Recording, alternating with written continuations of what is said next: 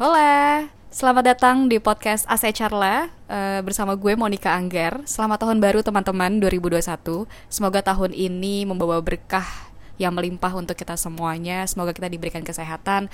Kayaknya resolusi tahun 2021 cuma minta sehat. Nah, di sini siapa yang udah kangen banget sama podcast aku? Uh, udah lama banget aku nggak bikin podcast. Sesi satu udah aku bikin. Ini adalah sesi keduanya. Di episode pertama, aku akan banyak project dengan beberapa praktisi dari macam-macam uh, posisi. So, stay tune teman-teman.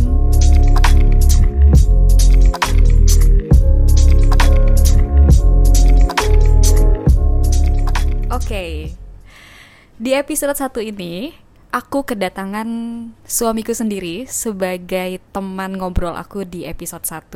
Jadi aku mau ngebahas tentang dunia IT. Teman-teman di sini yang fresh grad mungkin yang backgroundnya IT, kalian ada persiapan untuk menjadi seorang IT tuh startnya gimana sih? Nah di sini aku mau ngobrol sama suamiku yang di mana dia adalah uh, seseorang yang bekerja di bagian IT tapi khususnya di pro programmer atau IT developer. Nah, uh, kayak nggak perlu panjang lebar ya pengenalannya. Nanti pengenalan langsung aja sama suamiku sendiri. So, hi, Hani. Halo, Bu. Apa kabar? Alhamdulillah baik, sehat. Gimana kabarnya work from home, work from office? Walaupun aku tahu lah ya, kamu pasti sama aku setiap hari. Tapi kamu kerjanya gimana sekarang? Ya, baru karena di Tangsel ini sekarang lagi tinggi tingginya jadi uh, company di tempat saya kerja itu langsung menerapkan WFA jadi 25% yang boleh ada di kantor kecuali emang dia ada keperluan penting baru boleh ke kantor. Oke, okay. by the way nggak usah pakai saya lah. Oh, iya. Ini kan buat pendengarnya. Gak apa-apa. Ya, ya, Oke. Okay, Jadi nanti bahasa aku sama suamiku tetap kayak bahasa aku in personal sama dia. Dia biasa panggil aku Bu, aku panggil dia Hani. Nah, jadi nanti teman-teman bisa mendengarkannya mungkin jauh lebih santai kali ya, karena kita nggak nggak kayak sesi interview sih, beda lah. Oke. Okay. Uh, eh, ada lima topik uh, Han yang akan kita bahas di podcast sekarang. Jadi topiknya ini adalah ngobrolin tentang dunia IT atau mungkin bahasa gaulnya IT for now atau IT zaman now. Nah, uh, topik pertama aku mau kamu uh, menceritakan tentang uh, awal karir kamu di dunia IT. Terus yang kedua suka duka menjadi seorang programmer, which is kamu punya posisi sekarang. Terus ada bagian apa aja sih di di divisi IT? Karena teman-teman juga pasti perlu tahu kalau di HR di aku divisinya banyak nih. Kalau orang mau ngomongin HR lo mau fokusnya ke mana dulu? Aku sendiri besarnya di rekrutmen kayak gitu. Jadi ada sebutkan bagian uh, apa saja yang ada di uh, eh, IT divisi. Lalu yang kelima yang terakhir adalah pesan. Pesan untuk teman-teman fresh grad ketika dia mau mulai untuk karir sebagai IT jadi kalau aku tangkap di sini selalu aku bilang sama teman-teman fresh grad bahwa uh, pekerjaan yang sifatnya kayak digital marketing atau graphic designer, IT itu tuh bisa belajar di luar dari edukasi. Background educationnya apa? Nggak harus IT dulu baru bisa jadi uh, eh, IT guy. Tapi kamu bisa belajar kayak di platform online untuk untuk ngasah kamu punya kemauan untuk jadi seorang IT. Jadi teman-teman di sini untuk jadi IT nggak harus backgroundnya IT, tapi kalian dari background mana pun kalau mau fokus ke IT bisa aja. Oke, okay? are you ready? Yes, ready. Oke, okay, Han, uh, boleh dong kenalin diri kamu ke kita semua dari your background education and then your current position. Oke, okay, halo. Uh, uh, nama aku Bimo. Uh, Bimo Satriantoro. Aku itu uh, kuliah di salah satu kampus swasta di Gading Serpong. Uh, background aku IT juga jadi uh, eh, IT kebetulan nyemplungnya kerja di dunia IT juga. Jadi nggak salah jalan lah ya. mm. nah uh, Karen berarti ya? Oke okay, uh, eh, Karen itu kerja di perusahaan multinasional eh multi finance multi finance di Tangsel ya. TBK kan? TBK ya. Boleh sebut brand atau enggak uh, lokasinya aja. Oh, lokasinya aja. Lokasinya di BSD itu gedungnya sendiri lah pasti kalau misalnya orang BSD tahu gedungnya itu sendiri itu uh, company finance. Nah di sana itu jadi lucu sebetulnya ceritanya uh, ini adalah tempat ketiga saya kerja aku kerja yang di mana ini tempat dulu juga pertama saya kerja I see. Jadi rejoin. Yes, rejoin. Jadi uh, waktu habis lulus, jadi aku kuliah 7 tahun. Aku kuliah 7 tahun karena uh, di akhir-akhir semester itu aku harus kerja. Ya kayak banyak kebutuhan. Ya kamu juga tahu lah gimana kan. Nah setelah lulus, lulus kuliah, uh, kayak kosong tiga bulan, dan itu desain kayak nggak pengen ngoding, nggak pengen kerja di IT gitu karena tahu kuliahnya pas di kampus tuh wah ngoding tuh pusing segala macem ngod aduh logika lah pusing ada eh, nggak uh, tahu kenapa waktu itu cuman pengen kerja di dekat rumah pengen kerja di dekat rumah. Apa aja lah di dekat rumah. Akhirnya nggak tahu kenapa emang rezekinya mungkin ya masuk di company yang sekarang ini masuk ke IT dan dulu bener-bener nggak ada basic programming ada basic programming cuma web web programming. Nah di company itu lagi butuh mobile uh, developer. Di situ mikir apa ya mobile developer yang ngodingnya itu sama dengan kayak web? Akhirnya memutuskan buat untuk ke hybrid. Dulu namanya Ionic 3 Ionic 3 itu ya mirip-mirip sama uh, web bahasa programannya HTML, CSS sama JavaScript atau TypeScript. Ya udah di situ kerja sekitar 2 tahun. Uh, banyak research yang dikerjain di situ nggak cuma mobile ternyata. Banyak kerjain ada namanya robotik automation. Terus mungkin ngerjain dev DevOps juga kayak bikin satu program tapi nggak ngoding cuma drag and drop. Itu pernah juga sampai akhirnya di satu titik kayak wah ini udah keluar jalur nih udah udah bukan sebagai mobile developer lagi gitu loh jadi akhirnya kayak memutuskan untuk cabut pindah uh, di tempat kamu kerja juga. Yes, which is multinational company dengan bendera merah. ya, jadi habis nikah itu kejadian juga lucu sih. Habis nikah, sebulan setengah nikah, sekantor ya kan. Sekantor uh, dengan posisi mobile developer juga. Cuman bahasa pemrogramannya beda, yaitu Flutter. Oke, okay, uh, mungkin kalau tentang IT-nya itu ada di poin kedua. Okay. Uh, nah. Sekarang kamu coba bahas tentang current. Yes, nah pindah ke multinational company itu finance juga sama kerja di sana wah itu totally different jadi pas keluar dari company yang pertama ini itu tuh mata tuh kayak dibuka lebar gitu loh wah ternyata dunia itu tuh kayak gini loh. Boleh kerja pakai celana jeans. Anyway waktu di yang company pertama itu emang uh, kayak harus casual. Uh, formal mungkin? Yes formal. Uh, tapi nggak pakai celana bahan. juga gitu loh. Maksudnya bisa pakai Cino dan lain sebagainya. Nah pas pindah ke perusahaan kedua ini kaget kan. Wah gila nih. Dapat laptop dapat MacBook boleh pakai jeans boleh pakai kaos segala macem flexi time boleh datang jam 10 jam 11 asalkan kerjaannya selesai gitu. Nah di situ tuh mulai gali ilmu tuh. Apa nih yang bisa gue dapetin dari sini nih? And then you you back to the first company yeah. which is uh, which is your current company right? Yeah, karena emang uh, awalnya bukan bukan cuman emang nyari nyari ilmu aja di sini nggak. Emang emang pengen kerja dan sambil nyari ilmu. Tapi nggak tahu kenapa karena emang baik lagi mungkin rezekinya kali ya atau gimana.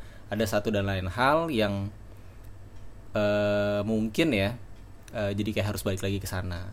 Jadi kayak mungkin panggilan nanti oh ya emang gue harus ke sana kali ya. Jadi akhirnya dua tahun lalu 2019 Agustus September lah ya aku balik lagi ke 2020 2020 sorry ya 2020 balik lagi ke company yang pertama aku kerja. Okay. gitu. sekarang posisinya apa sekarang senior senior apa senior mobile developer I see oke okay.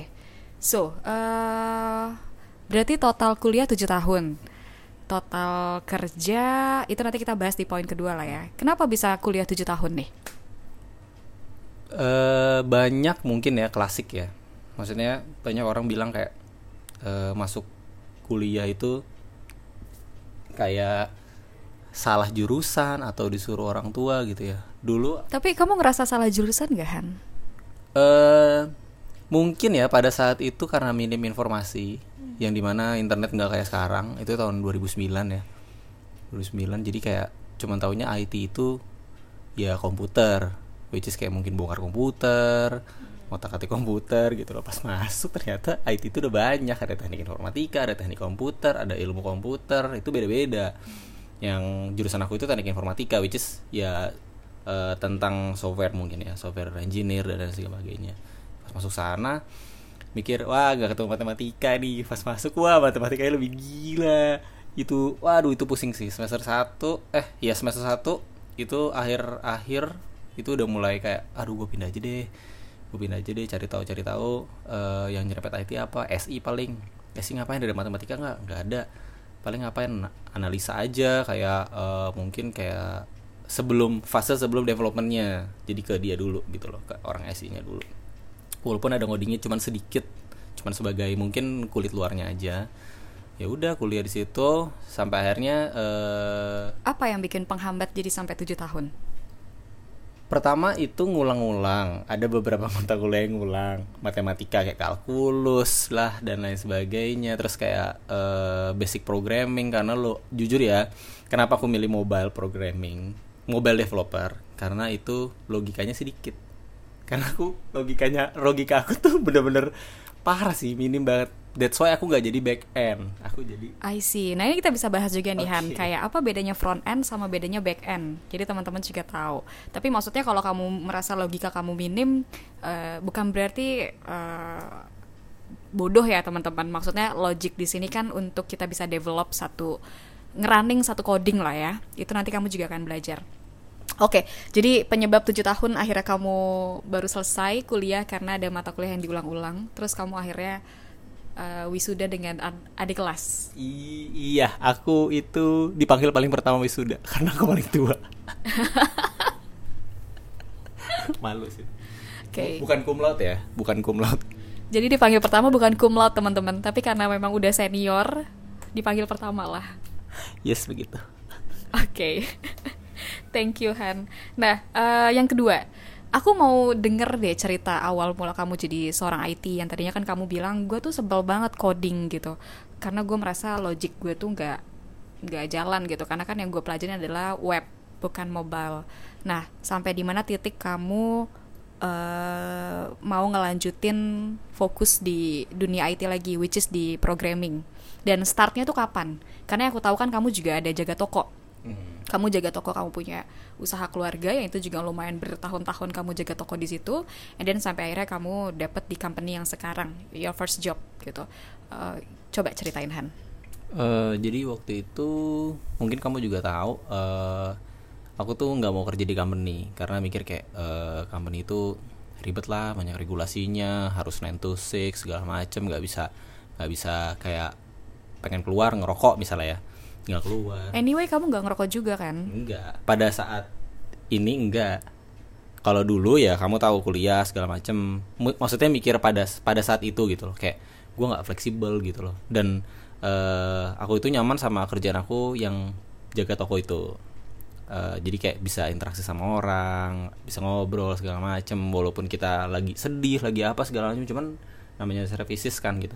Jadinya tuh kayak ya ngerasa kayak wah nih diri gue nih gitu kan. Sampai akhirnya lima tahun di situ kamu juga tahu uh, kamu nyuruh aku buat kerja di company. Kamu cuma bilang coba deh sekali aja biar tahu dunia uh, perkantoran tuh seperti apa. Jadi ya udah pada saat itu kayak ya udah uh, aku pengen kerja tapi di dekat rumah nggak mau jauh-jauh uh, dan ya kalau bisa jangan IT gitu. Tapi pada saat itu kayak mikir kayaknya sayang juga sih kalau nggak dipakai tapi mau jadi apa? gitu loh. Yang bisa cuma web doang akhirnya ya udah cari cari apa yang mirip-mirip sama yang aku bisa kerjain tapi berguna buat sampai ke depannya gitu. Terus kayak ngeliat oh kayaknya sorry sorry. Waktu itu dapat satu job dari teman saudara. Itu bikin mobile mobile apps. Nah itu juga itu fase fase sebelum nyampe ke kantor yang sekarang jadi kayak tau-tau dapat satu pemrograman yang kayak web tapi jadi mobile yaitu Ionic Ionic 3 namanya jadi ya udah dari situ uh, modalnya dari situ dulu jadi pas interview udah tahu pengen interview jadi ngerjain project dulu biar pasti di interview itu nggak blank oke okay. jadi maksudnya uh, awal mula kamu terjun ke dunia IT programming di mobile ini karena kamu ada project sebelumnya, terus kamu ngelamar di tempat yang pertama kali itu, terus akhirnya kamu dalemin lagi si mobile itu apa sih segala macam bla bla bla. Kamu masih inget gak pertama kali tes di tempat yang pertama? Karena kan fresh grad dong hitungannya. Fresh grad tapi udah udah terlalu banyak experience di luar corporate lah ya, karena kamu juga kerja di toko, kamu juga pernah jadi kru di Burger King gitu kan. Nah, um, apa sih tes pertama kali yang dilakukan sama korporat pertama kamu?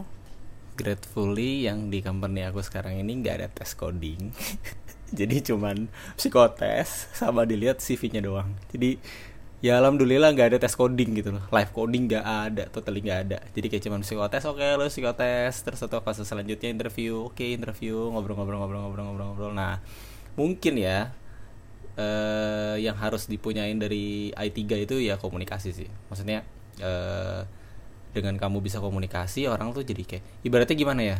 Bukannya bukannya ngomong dulu baru kerja tapi emang komunikasi itu penting gitu loh bikin orang lain percaya gitu loh. Walaupun sebetulnya ya kita skillnya ya mungkin minim atau gimana tapi at least kita bisa menyampaikan apa yang kita punya gitu nah mungkin pada saat itu aku bisa berkomunikasi dengan baik. Jadi apa yang mereka tanya ya aku jawabnya seperti itu gitu loh. Jadi mereka juga mikir oh ya udah lu bisa gitu loh. Ya udah gitu aja. Jadi nggak ada tes yang namanya live coding atau logika apa segala macam paling cuman ngejelasin lu udah ngerjain apa tolong ngejelasin uh, prosesnya dari A sampai Z. Ya kamu juga pasti tahu itu kan. Ya udah. Oke. Okay. oke okay, and then kayak prosesnya gampang aja gitu tiba-tiba masuk aja udah. Oke. Okay. nah terus next journey. Next journey kan kamu akhirnya ikut sama company aku nih yang terakhir uh, which is di multinational company dan itu kayak uh, beda dengan company yang sekarang. Karena company yang pertama kamu itu adalah terlalu uh, apa ya mungkin masih kaku lah ya. HR-nya juga masih belum fleksibel. Terus yang di company di multinational company ini perusahaannya tuh lumayan fleksibel. Dari working hours-nya dari uh, jam uh, apa ya pakaiannya, culture-nya itu kan beda nih. Nah, apa yang ngebuat kamu akhirnya mau move to another uh, company dari dari sisi kamu nih apa sih yang bisa kamu pelajarin di di company itu? Waktu kamu pindah deh. Dan kenapa harus pindah? Kenapa harus pindah? Karena waktu itu udah ngerasa kayak ini bukan kerjaan gue lagi nih. Uh, ini udah kayak ngelewatin ngelewatin uh, udah off the track lah. Jadi udah udah develop mobile itu udah sedikit banget gitu loh. Jadi kayak ngerasa ya udahlah gue kayaknya harus harus harus cari ilmu di tempat lain gitu loh. Atau atau atau ya gue harus cari di tempat lain aja gitu. Dan pro dan yang mendukungnya itu adalah kayak ya habis merit sama kamu gitu. Terus satu satu kantor sama kamu jadi mikir jadi kayak udah nggak ada yang bisa ditolak gitu loh.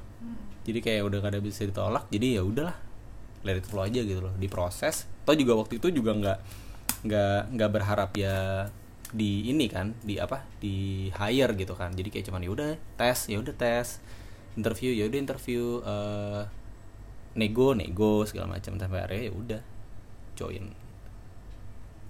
Oke jadi maksudnya karena kamu butuh tantangan kali ya? Kamu butuh tantangan baru kamu butuh uh, sesuatu hal yang baru terus kamu lihat ada kesempatan di company yang kemarin which is company juga bagus terus apa yang di tawarin juga bagus yang kedua juga sekantor sama aku gitu kan? Dan itu kayak jalanin aja waktu hmm. tes juga ya udah jalan-jalan aja gitu. Dan uh, kamu akhirnya bisa join juga. Nah sometimes teman-teman ketika kita nggak berharap banyak sama satu perusahaan justru itu malah jadi jadinya kamu dapat di tempat itu. Beda dengan kamu ketika kamu berharap dengan perusahaan kamu tes kamu berdoa segala macam bla bla bla tapi hasilnya nihil gitu. Jadi ketika kamu ada proses dengan siapa pun company mana pun kamu jalanin aja sesuai sama diri kamu kemampuan kamu. Jangan terlalu dipaksain jangan terlalu dipikirin. Karena akhirnya nanti jadi eh, nggak uh, sesuai harapan takutnya. Intinya jawab aja apa yang ditanya. Ditanya A jawab A. Ditanya B jawab B gitu loh. Itu aja sih kunci yes be yourself. Ketika interview harus be yourself. Oke okay. berapa lama tuh di company yang bareng sama aku? Setahun. Setahun pas. Pas banget setahun pas tahun berarti Agustus. ya 2019 sampai 2020. 20. Oke. Akhirnya karena jadi singkat cerita gini teman-teman.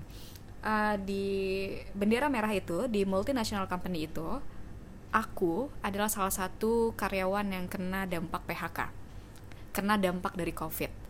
Uh, jadi di companyku tuh ada beberapa batch. Ada batch pertama, batch kedua, sama batch ketiga.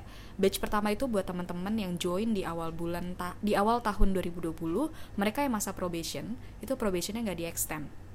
Itu batch pertama And then yang batch kedua adalah tiba-tiba semua karyawan yang sudah lama kerjanya, which is yang dua tahun ke atas. And then aku kena karena aku udah tiga tahun 4 bulan. Dan aku juga sudah merasa, oh my position di di tempatku yang kemarin itu emang udah nggak terlalu uh, berpengaruh. Karena aku dulu employer branding, and then aku vendor management. Aku ngebantu tim talent acquisition untuk cari talent. Nah, di mana hiring freeze tahun itu. Jadi aku mau bantu hiring apa nih? Aku bantu talent apa?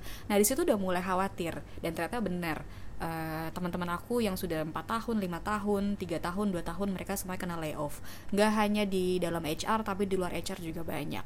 Nah, singkat cerita, aku cabut bulan Juni, terus tiba-tiba my husband uh, dikontak balik sama company yang pertama kali, itu sekitar bulan Agustus kalau nggak hmm. salah.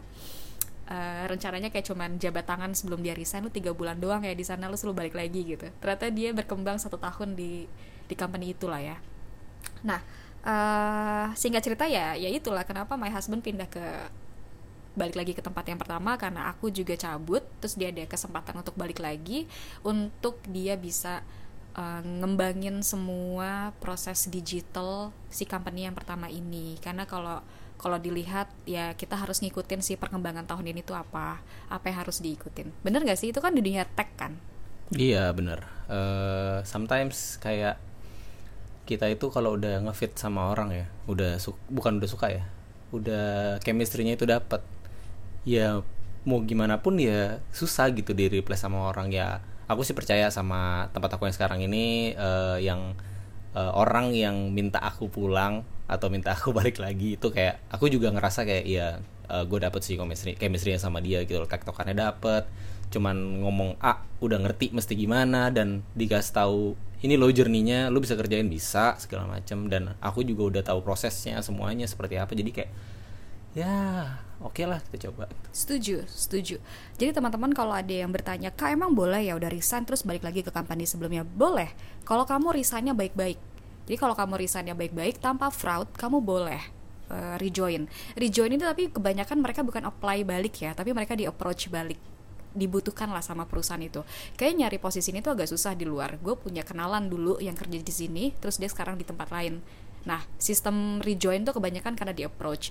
Jauh beda dengan yang ketika kita apply. Itu agak sulit karena prosesnya pasti akan dari dari awal lagi. Tapi kalau kita di approach biasanya akan ada um, ada proses yang di luar dari yang biasa ya. Uh, biasanya langsung ketemu user, tes dan ya udah langsung offering kayak gitu so in total kamu kerja udah berapa tahun berarti di IT 2016 4 tahun 5 tahun ya 5 tahun tahun ini jalan 5 tahun jalan 5 tahun dan itu konsisten di mobile apps? Iya. Aku mencoba untuk konsisten karena uh, mungkin kalau misalnya terlalu sporadis ya semuanya bisa itu kayaknya nggak ada yang strong. Jadi kayak agak susah juga sih mau mau cari misalnya freelance segala macam itu agak susah karena nggak dalam ilmunya. Ah, menarik bahas soal freelance. Sebenarnya kan kalau di dunia IT kan kamu bisa kerja di dengan siapa pun, di mana pun, kerja sama-sama negara mana pun, sama orang mana pun gitu. Pernah nggak kamu ngejalin satu project di luar dari uh, corporate? Uh, kerjain project di luar corporate pernah, tapi cuma di Indonesia. Di luar mencoba untuk apply, tapi susah karena mungkin uh, ya balik lagi uh, negaranya gitu Indonesia mungkin kalau misalnya kayak sorry uh, India atau segala macem yang mereka mungkin rate-nya di bawah kita tapi bisa ngerjain tiga tas segala macem ya mungkin bisa dipertimbangkan cuman ya, aku sih gak ada pengalaman untuk uh, di luar Indonesia tapi di Indonesia itu ada beberapa kali dan salah satunya juga sama kamu juga gitu loh jadi ya harusnya IT itu fleksibel, ya? fleksibel dan banyak income-nya sih. Yes. Kecuali kita bisa ya itu komunikasinya bagus karena kalau solo ya, solo solo karir gitu untuk freelance itu kalau basic communicationnya itu nggak bagus. Which is kamu tahu sendiri IT itu sebetulnya kalau dibilang IT itu gimana sih? IT itu kotak-kotak. Maksudnya gimana kotak-kotak? Ya nggak berbaur terus kayak jokesnya punya dia doang terus kayak misalnya nggak nyambung saya ngomong sama orang lain dan gimana segala macam nah itu harus di harus dihilangkan sih. Karena komunikasi kalau misalnya mau freelance komunikasinya itu harus diperbaiki yes of course. Kalau misalkan mau kerja bareng orang bule ya bahasa Inggrisnya harus at least basic lah ya. Jadi bisa nyambung. Tapi kan orang IT kan harus harus bisa bahasa Inggris dong. Iya karena bahasa pemrograman aja pakai bahasa Inggris gitu loh. If else set get controller segala macam ya itu pakai bahasa Inggris. Kalau kita taunya cuman art, art ah, maksudnya uh, fungsinya doang tanpa tahu artinya kita susah buat belajar bahasa pemrograman yang lain. Kalau kita tahu artinya gitu loh jadi kalau kita tahu artinya ya uh, misalnya if ya kita tahu itu berarti kondisi gitu loh. Bukan karena kita tahu itu baca itu fungsinya untuk apa bukan. Jadi dari bahasa Inggris itu ya kita bisa tahu dan lain sebagainya. Dan kalau kamu nyari di internet pun kayak Stack Overflow gitu segala macam ya itu ke bahasa Inggris semua. Jadi kalau susah kalau bahasa Inggrisnya kurang kuat ya. Oke okay. uh, eh, tools apa aja yang kamu baca atau yang kamu pelajari dari website untuk kamu untuk ngedukung kamu punya skills? Uh, di company yang sebelum di sini itu aku disediain platform Udemy. Jadi aku bisa belajar uh, bisa belajar apa pun di luar apa yang aku pengen kerjain apa pun itulah. Karena ada ada targetnya kayak uh, setahun kamu mesti belajar uh, mesti ngambil sertifikat kayak 5 gitu 6 nah itu di situ salah satunya. Yang kedua itu kalau tools ya website sih pasti banyak. Salah satunya Stack Overflow mungkin udah udah common banget di IT terutama developer ya. Terus yang ketiga kalau di company yang lama itu uh, no si Git itu sebetulnya bukan tools untuk aku mikir di sini adalah untuk mengembangkan uh, kemampuan. kemampuan. Tapi kalau tools yang dipakai untuk development itu banyak banget hmm. dan nggak semua company itu sama gitu loh karena ada mungkin sorry sorry ya. Misalnya kayak satu company emang isinya open source doang gitu ya kita pakai yang open source. Ada yang emang fully license ya kita mesti pakai fully license gitu jadi kayak beda-beda tergantung dengan company-nya itu sendiri tapi kalau misalnya aku pribadi ya aku sih pakai yang gratisan semua jadi ya pasti udah tahu kayak Git mungkin kalau misalnya ngoding idenya pakai Visual Studio Code atau pakai Android Studio gitu. Uh, ya gitu aja sih. Oke okay, itu kan tools untuk coding. Tapi kalau untuk belajar nih aku misalkan basic nih aku pengen belajar aku pengen jadi programming aku pengen jadi programmer IT, programmer. Aku mau jadi IT developer. Terus aku mau harus belajar ke mana ya? Yang pertama mesti tahu dulu apa yang apa up, ini ya pengalaman. Kamu harus tahu dulu kamu tuh mau apa sukanya apa kamu lebih suka banyak buka web atau kamu lebih suka banyak buka mobile apps hmm. atau kamu lebih suka uh, ngotak-ngatik jaringan atau kamu lebih suka misalnya security dan lain sebagainya bisa tahu dulu. Nah belajar itu banyak platformnya. Kalau misalnya mau gratisan, ya udah YouTube itu paling benar. Cuman tetap bahasa Inggrisnya harus bagus karena mostly itu yang ngajarin itu ya orang luar Indonesia yang di mana pakai bahasa Inggris. Dan kita harus bisa bahasa Inggris apalagi bahasa Inggris logat di luar orang Inggris gitu ya. Which is kayak uh, India terus uh, mungkin Rusia segala macem. Nah itu kan beda susah tuh logatnya. Nah itu uh, satu. YouTube kedua ya kalau modal ya Udemy. Kalau hmm. enggak ya ikut ikut ini aja. Uh, banyak kok di no no meet up hmm. komunitas itu sekarang udah banyak jadi kayak uh, mereka tuh sering contoh misalnya Flutter ya. Flutter itu sering bikin uh, meet up jadi mereka bikin karena sekarang pandemi jadinya kayak daring. Mereka online bikin meetup ya udah di situ kayak bedah kasus atau uh, ngebahas uh, materi tertentu ya kita bisa nanya. Oke. Okay. nah tadi bahas tentang Flutter. Kamu kan sekarang fokusnya di Flutter nih Han. Apa sih yang membedakan Flutter dengan yang lain? Dan kenapa kamu mulai belajar Flutter dan yang aku tahu kan Flutter ini juga baru banget di Indonesia kayak baru dua tahunan lah ya kenapa kamu akhirnya mau belajar Flutter jadi kenapa pindah ke Flutter? Yang pertama itu udah sebetulnya bahasa pemrograman yang dari aku sebelum Flutter itu ke Flutter itu mirip-mirip. Which is itu namanya ada TypeScript ke Dart. Itu mirip-mirip karena basicnya JavaScript gitu ya. Kayak mirip-mirip, jadi kayak perpindahannya itu gampang. Yang kedua, itu karena emang ada yang nge-suggest uh, ada uh, salah satu orang di company aku yang sekarang juga. Itu dia orangnya Google oriented banget. Dan itu Flutter tuh punya Google. Jadi kayak lu cobain ini deh uh, Flutter uh, ini punya Google segala macam dan aku langsung mikir kayak wow udah punya Google ya berarti nggak uh, perlu diragukan lagi tuh. Walaupun dia sebetulnya punya platform si Android itu sendiri native terus kenapa dia ngeluarin Flutter gitu loh ya? Karena si Flutter ini tuh bisa uh, dua platform sekaligus. Satu coding langsung bisa bikin iOS dan Android. Wow. Tapi uh, kamu juga kalau bisa harus mengua bukan menguasai ya at least bisa basicnya untuk si iOS itu sendiri mungkin Swift atau uh, yang si Android Java untuk misalnya mengerjakan sesuatu yang tidak bisa dihandle oleh Flutter which is itu harus native code.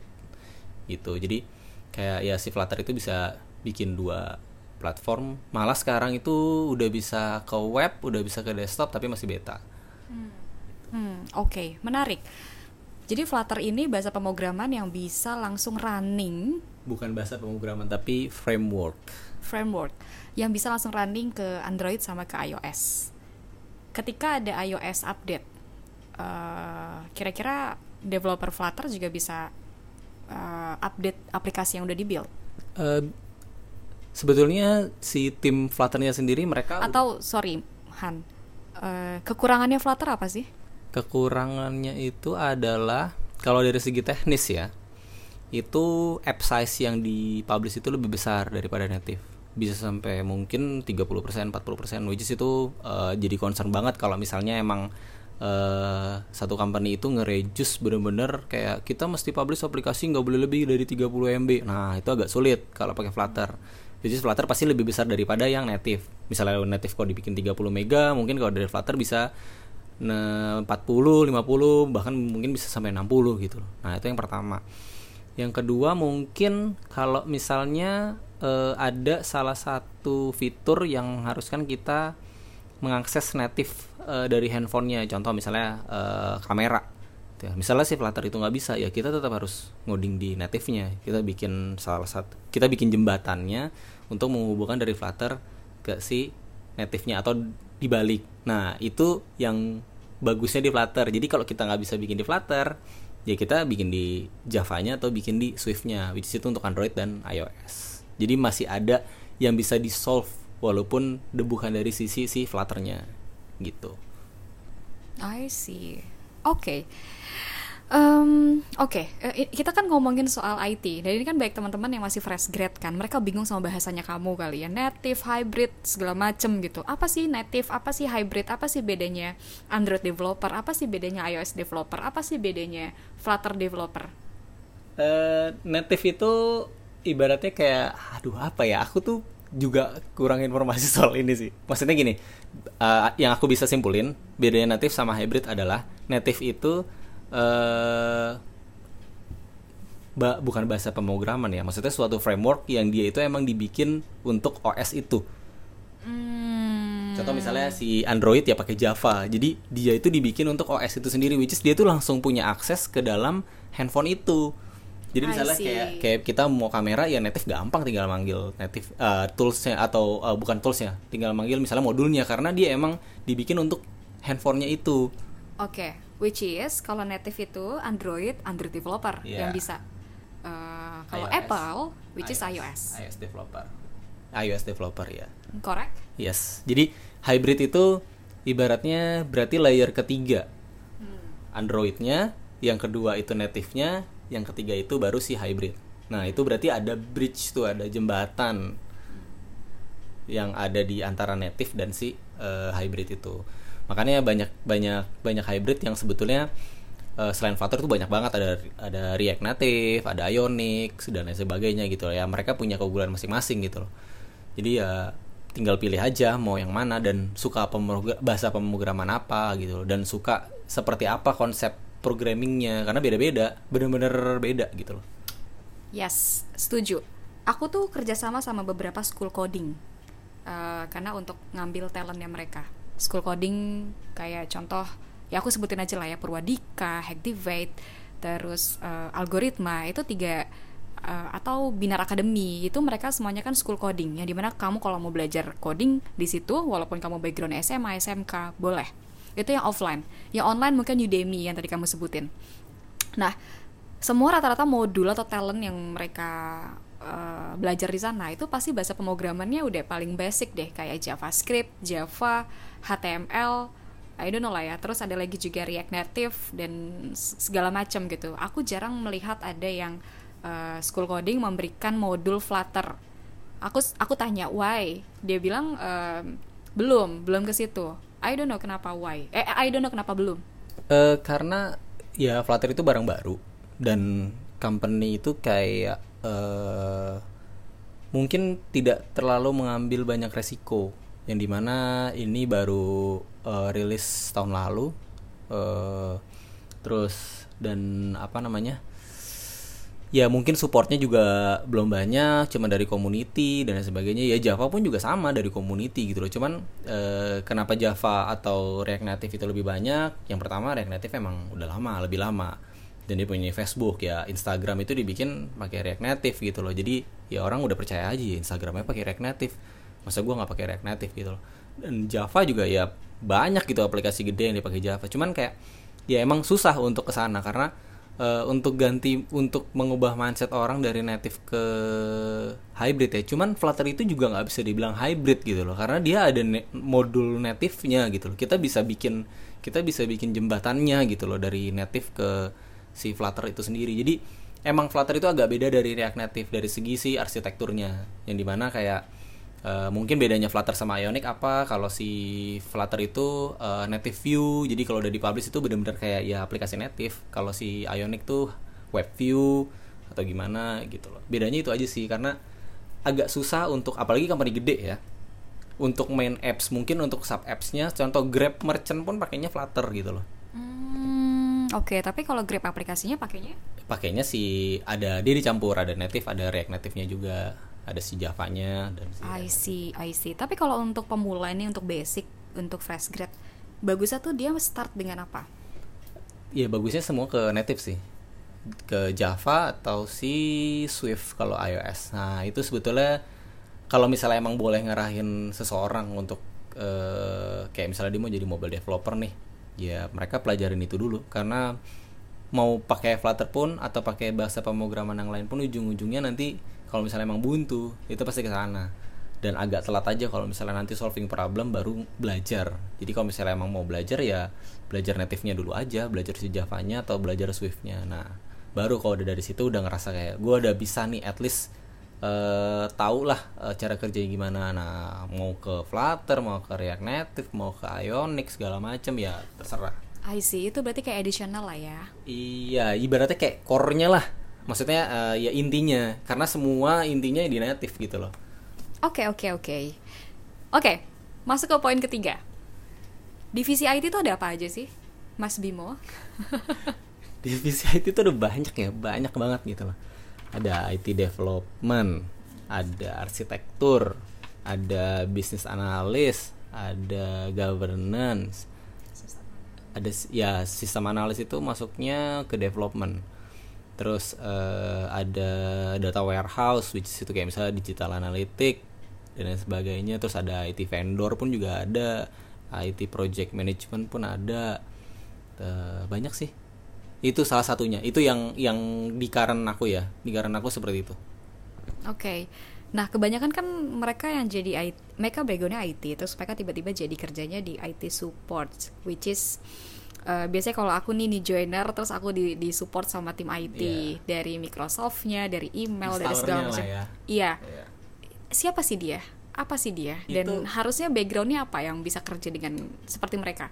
Itu semua orang bisa sana sih. Maksudnya uh, ya aku nggak tahu pasti backgroundnya itu seperti apa tapi uh, mungkin kualifikasinya ya as long as lo bisa ngoperasiin operation system ngerti cara install dan sebagainya. Kayak ya bukan merendahkan atau apa ya mungkin SMK pun juga bisa yang penting dia bisa install gitu gitu aja sih. Tapi itu masuknya ke apa ya aset ya atau support ya bu ya? Aset dan support. Aset ya. Oke okay. jadi dunia IT luas ya luas banget teman-teman. Kalau kalian mau ngomongin data di IT juga ada data. Mau ngomongin uh, support services ada juga gitu ya. Ada juga mungkin kalian yang uh, sukanya cuman di belakang layar which is ngoding gitu. Tapi uh, menurut kamu nih IT zaman sekarang sama IT zaman dulu dan harapan kamu untuk menjadi seorang IT biar semuanya tuh tadi kan kamu bilang sama aku yang paling penting adalah komunikasi. Yes aku setuju dengan itu karena beberapa some people di IT pasti mereka lebih ke diam mereka jarang berkomunikasi. Ya udah gitu loh mungkin bahasanya tuh kayak nerd gitu kali ya. Nah uh, aku ngelihat kamu ya kamu nggak seperti mereka gitu. Kamu berkomunikasi baik um, terus kamu juga berinteraksi baik dengan dengan teman-teman. Apa sih harapan kamu dan gimana cara untuk merubah seorang IT yang dulu dibilang nerd dan IT zaman now tuh harus fleksibel? Aku bukan orang zaman dulu ya. Jadi maksudnya kok masih muda? Ya maksudnya gini. Aku masuk pun di IT itu 2016 gitu ya. Yang di mana sebetulnya ya model-model kayak sekarang ya masih masih mirip-mirip lah gitu. Cuman mungkin kalau misalnya dibilang uh, gimana uh, harapannya ya mungkin kalau misalnya kalau misalnya cara kerja ya mungkin ibaratnya ada namanya waterfall sama agile gitu ya. Ya mungkin kalau bisa ya uh, tergantung dulu nih uh, company-nya seperti apa karena nggak bisa digabung gitu loh antara karena beberapa company pun ada yang kayak nggak gabung itu gitu loh. Waterfall sama agile dan sebagainya. Ya kita harus fokus. Kalau lo mau uh, high speed ya lo pakai agile gitu loh. Kalau emang lo mau uh, bener-bener ngeluarin something yang keluar itu udah mateng banget ya waterfall gitu loh. Jadi makanya balik dulu. Cuman ya paling harapannya itu ya kita harus fokus dulu ke mana kita nggak bisa kayak masuk baru ngeraba-raba itu nggak bisa kita harus fokus dulu kita mau ke mana nih kita mau jadi apa nih Yes, intinya balik lagi sama yang tadi kamu bilang di awal kan. Lu kalau mau masuk ke dunia IT ya lu harus tahu dulu lu sukanya di mana. Apakah kebanyakan lu menggunakan aplikasi, apakah lu banyak menggunakan website? Sesimpel itu kan? Karena kalau misalnya kita udah masuk ke dunia IT dan kita nggak uh, ibaratnya mengembangkan diri ya itu bakal di situ lama banget sih karena ada beberapa uh, temen yang kayak udah di IT support itu udah hampir 10 tahun 8 tahun yang di mana company-nya tersebut mungkin nggak ngasih kesempatan atau mungkin nggak ngasih nggak ngasih apa ya nggak ngasih challenge ya ibaratnya ya kayak coba lu bisa ngerjain ini nggak? Atau ayo kita mau pakai ini nih lu coba jadi PIC-nya dan lain sebagainya. Barang baru gitu loh misalnya itu sih maksudnya kalau misalnya nggak mengembangkan diri pun ya susah gitu loh bahkan IT developer sendiri karena bakal ketinggalan gitu loh. Kita nggak tahu anak-anak fresh grade yang sekarang nih tetap pas lulus gila dia udah bisa React Native gitu loh. Dia selama kuliah ternyata dia freelance sama orang bule gitu ya kan. Kita nggak tahu tetap pas lulus kuliah udah langsung banyak yang jadi manajer atau mungkin apa gitu ya. Itu sih maksudnya jangan jangan sampai nggak melek teknologi aja. Maksudnya nggak melek uh, apa sih ada yang baru apa sih gitu loh. Karena itu penting banget gitu. Setuju aku setuju setuju. Lo yang lama di dunia IT 5 tahun sama fresh grad yang baru lulus dengan skill yang jauh lebih oke okay di fresh grad which is si fresh grad ini bisa ngalahin your punya title level dan segala macam. Bedanya mungkin lebih ke uh, tapi belajar leadership kan juga bisa berjalan kan. Tapi yeah again lo yang udah bertahun-tahun di situ aja ya waktunya buat explore sih. Apa yang lagi hype sekarang ya itu harus dipelajarin. Kalau misalnya nggak begitu uh, lu jangan sakit hati. Kalau misalnya lu, lu kerja lama atau tau ada anak baru yang di mana rate-nya lebih tinggi dari lu gitu yes, loh. true. itu lu nggak boleh sakit hati karena lu mesti ngacak ke diri sendiri gitu loh. Gue yes. gue tuh bisa gue tuh bisa kayak dia nggak sih? Gue tuh bisa ngasih ke perusahaan kayak dia nggak sih? Yes itu namanya kapasitas ya. Yeah. kapasitas orang beda-beda. Oke okay um, the last. The last point. Pesan dari kamu untuk teman-teman fresh grad yang mau start di dunia IT apa? Uh, step by stepnya dan apa yang harus mereka persiapkan? Pesannya apa ya? Hmm, kalau dari pengalaman pengalaman aku ya uh, pokoknya jangan sampai salah. Pertama itu sih benar-benar harus mateng itu mau ngapain mau di mana uh, dan mau seperti apa ke depannya gitu. Kita mesti tahu uh, lima tahun ke depan itu ada apa which kita harus persiapkan itu gitu loh. Uh, yang kedua fokus. Jangan uh, jangan apa namanya jangan melebar lah. Jangan off the track. Kita suka mobile pro, uh, development. Atau kita mobile developer ya kita muter di situ aja gitu loh. Bagus bisa yang lain. Cuman uh, it's not your capacity gitu loh. Maksudnya ada orang yang ngerjain itu kok. Tapi kalau misalnya emang lu pengen eh, eh tapi emang bagus juga lu bisa tahu itu karena pasti nanti lu ada kolaborasi sama dia gitu loh. At least apa yang dia sampaikan lu tahu. Cuman sebatas itu aja gitu loh. Kalau misalnya mau semuanya atau mau satu satu apa namanya workflow kamu kerjain ya jadi full stack aja. Itu juga nggak masalah yang di mana kayak backend yang kamu kerjain, frontend yang kamu yang kerjain, arsitek yang kamu kerjain, DB-nya kamu yang kerjain, nah itu terserah, itu itu ada, ada. Cuman kalau misalnya emang development atau developer ya developer aja gitu, jangan ke yang lain sayang gitu loh. Maksudnya e, nanti pas ditanya cuman sekedar tahu, tapi kurang paham gitu loh. Oke, setelah fokus apa? Setelah fokus jangan takut. Jangan. Maksudnya? IT itu kalau nggak mesti kerja di kantor, udah itu aja. Maksudnya jangan takut kamu uh, kayak ibaratnya apa nggak dapat pekerjaan ya, ya semua orang takut sih. Cuman kayak uh, kalau kamu bisa, kamu nggak usah takut untuk misalnya kayak interview untuk fresh grad ya, misalnya untuk interview. Pokoknya intinya uh, ya kalau kamu udah bisa A ya kamu jawab A aja jangan lembar ke mana-mana karena itu nanti bisa jadi bumerang gitu loh setuju oke okay. Uh, kayak kita kebanyakan ngobrol Han. Nggak kerasa waktunya udah banyak banget. Tadi kan kamu janji juga mau kasih tahu ke aku atau ke kita semua apa sih bedanya back end sama front end. Itu belum dijawab. Oke terakhir. Dan ini the last question so kamu harus jawab. Apa bedanya front end sama back end? Back end itu lebih ke bisnis. Jadi uh, kita menter uh, uh, dia menerjemahkan dari bisnis dari bisnis uh, ke satu misalnya outputnya apa contoh misalnya kayak bisnis gue pengen tahu uh, pendapatan bulan ini dari produk motor mobil uh, digital itu dalam satu output okay. nah itu si backend yang uh, menerjemahkan tuh pakai coding akhirnya jadi satu output tapi outputnya cuman angka Hmm. Nah, gimana caranya supaya ke user itu bagus? Lewat front end. Hmm. Jadi front end yang menjembatani dari si bisnis tadi yang dibikin sama back end lewat visualisasi. Nah, di front end pun ada logiknya, cuman logiknya itu bukan mostly itu nggak logik bisnis. Kalau misalnya di front end ada logik bisnis ya itu itu udah pusing sih kecuali dia ngoding sendiri ya terserah lu aja gitu cuman kalau, kalau misalnya kolaborasi untuk naruh logik di front end itu agak kurang berfaedah karena kamu kolaborasi kamu nggak tahu karena codingan kamu pasti juga diakses sama orang lain kan kalau misalnya orang lain yang mikir front end itu nggak ada logik segala macam pusing dia mikirnya gimana hmm. nah itu jadi backend itu yang menerjemahkan dari bisnis proses ke suatu hmm. output tapi gimana cara memvisualisasi output tersebut ke end user hmm. itu udah lewat front end front end itu ada banyak juga hmm. ada desktop ada web ada mobile itu hmm Oke, okay. Uh, eh, koreksi kalau aku salah ya. Berarti maksudnya back end ini uh, dapetin uh, apa ya sebutannya? Dapetin kisi-kisi dari dari bisnis. Yeah. Gue mau begini begini begini begini begini begini, and then dia bikin, terus uh, dikasih ke front end untuk dibikin visualnya buat dikasih ke user.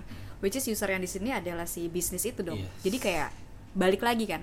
Dari bisa bis bisa ke bisnis bisa untuk end user ya customer.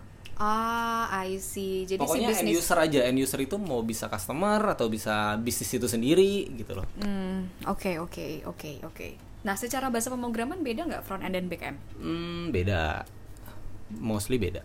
Kayak apa bedanya? ya kayak back end kalau yang kamu tahu mungkin Node.js, Golang gitu ya.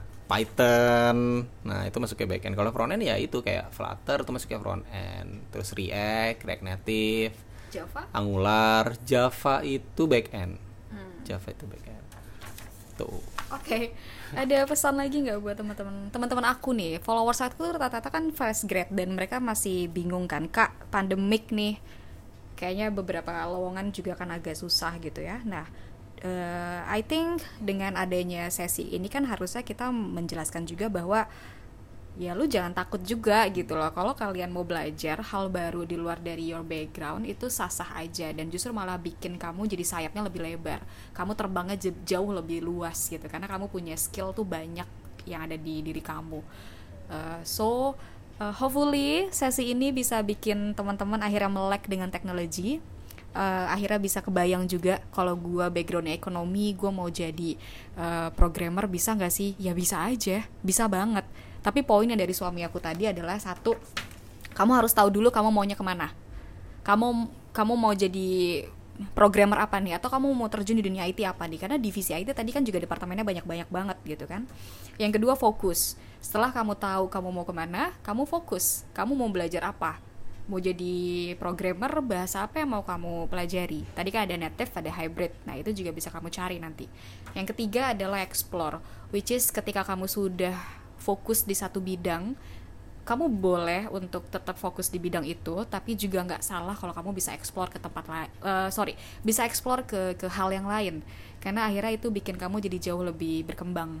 Which is kayak suamiku yang tadinya juga dia nggak tahu Flutter and then dia belajar Flutter so ini jadi jadi main jobnya dia gitu job utamanya dia untuk untuk nge-build satu aplikasi menggunakan Flutter itu teman-teman so hopefully ini bisa bikin teman-teman jadi jauh lebih terbuka, melek dan segala macam uh, dari kamu ada yang mau tambahin nggak?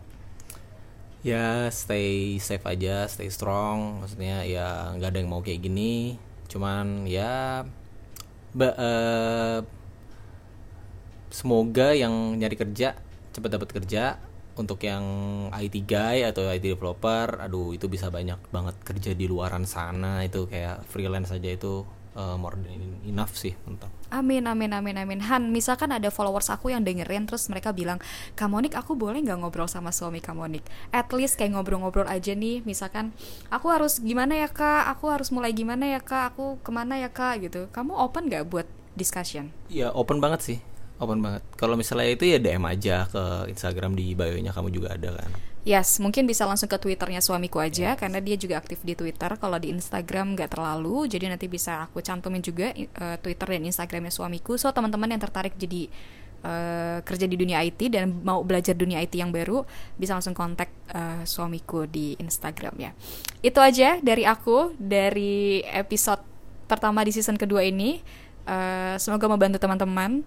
Uh, stay safe, stay healthy and then uh, explore apa pun yang uh, kalian mau pelajarin dan fokus. Itu aja dari aku. Thank you so much. Bye bye. See you.